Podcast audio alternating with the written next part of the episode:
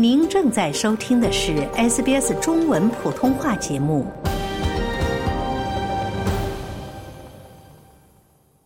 二零二四年，澳洲的经济将何去何从？澳大利亚人的口袋中能不能多装一些可支配的收入呢？下面请听澳洲经济学者李威教授的分析。好，现在我们请来的嘉宾是悉尼大学商学院的李威教授。李威教授，你好。你好，二零二四年能不能带给大家多一点好消息？特别是在经济方面。对，其实现在来说，我们现在二零二四年一月份哈，其实回顾一下二零二三年来说呢，确实呢，啊，对很多人来说，像是经历了一次衰退一样。主要的一个原因就是澳大利亚人都面临了更多的这个利率的一个上升，然后税收的一个增加，然后同时呢，我们看到生活成本方面还是有呃比较大的一个上涨的，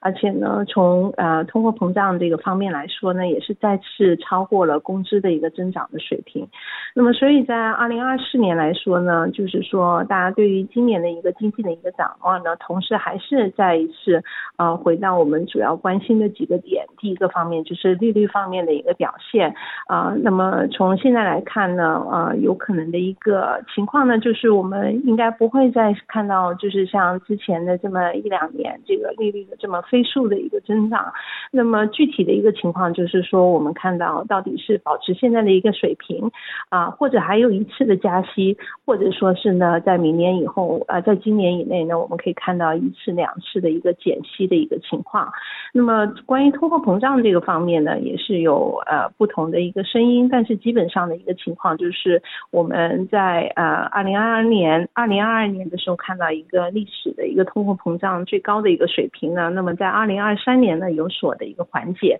那么在二零二四年的话呢，现在目前来看，通货膨胀也会有相应的一种缓解吧。那么，但是是否能够达到最开始这个呃联邦储备银行所定的一个呃这个通货膨胀的一个水平比较低的一个水平，这个还是有一定的疑问。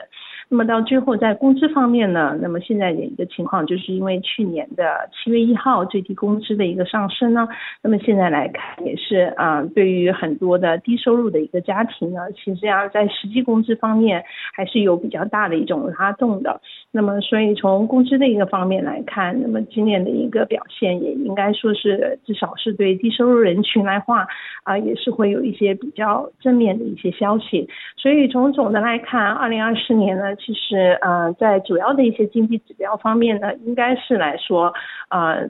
相对于二零二三年我们年初的时候看时候的一些情况呢，都会有一些比较正面的一种改善。但是，我觉得这种改善呢，其实啊，还是一个逐步的。再一个呢，就是还是有很多相应的风险存在的。就说的更具体一点，我看到关于利率有可能下降，有人是大胆的预测说，可能在明年的六月底的时候，可能就会有一次这个利率的下降。还有就是刚才讲到减税，我也看到有一个很具体的数字，就是说，如果你的收入是低于二十万的话，那么可能你一年交的税会少个九千多，接近一万这样的一个减税的幅度，这些非常。非常具体的数字和预测，是不是有基于政府呃新颁布的一些政策，还是什么样的这个基础推论出来的呢？嗯，对于利率这个方面来说呢，其实，嗯，从现在的一个情况来看，我们知道在嗯去年的时候，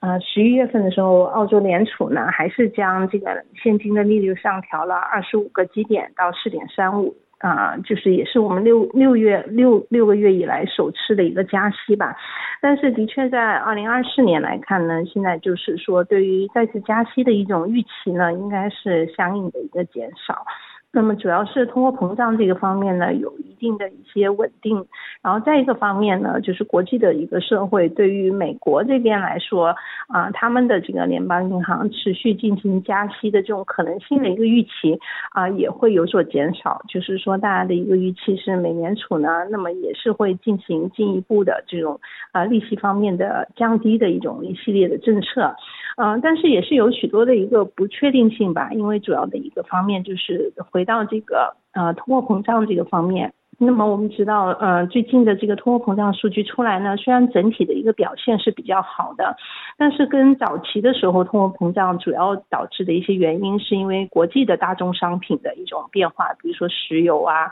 天然气啊、大宗商品的一个上价格的上升，因为啊乌克兰危机或者国际上的这种运输方面的一些障碍，那么使得通货膨胀提高。那么最近的这个通货膨胀主要的一个原因，是因为服务类型的，就是啊澳洲。本地的一些服务类型的一种商品，那么它的价格的一个上升，那么主要就是反映在比如说我们的电价啊，然后能源的价格啊，还有一些就是关于呃租金方面这种价格的一个上升。那么这种啊服务类型的这种通货膨胀的这种产品，它的。通货膨胀率下降呢，是需要一定的时间的。那么，所以在通货膨胀还是没有很快速的降到就是联邦银行的一个预期的时候，那么所以联邦银行降息的这种幅度还有速度肯定也是不会说非常的激进的。那么再一个原因呢，就是最近我们也看到美国的一些相应的数据，就是美国最近公布的一些关于呃就业率方面的一些数据呢，是表现的非常好的。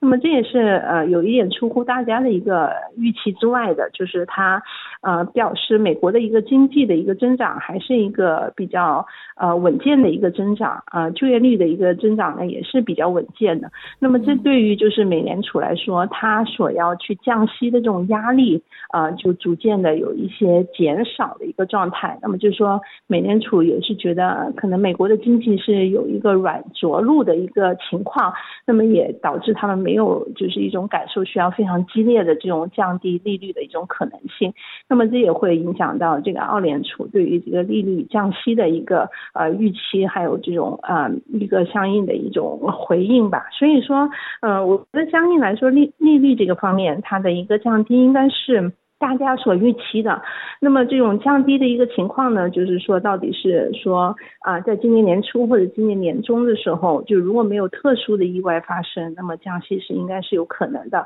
嗯，但是整个降息的一个过程应该是一个很缓慢的一个过程，呃，应该不会像我们之前看到这个利息上升的这个水平 这么快这么迅速，所以我们也不能够特别的去乐观的认为利率会飞飞飞快的一个下降。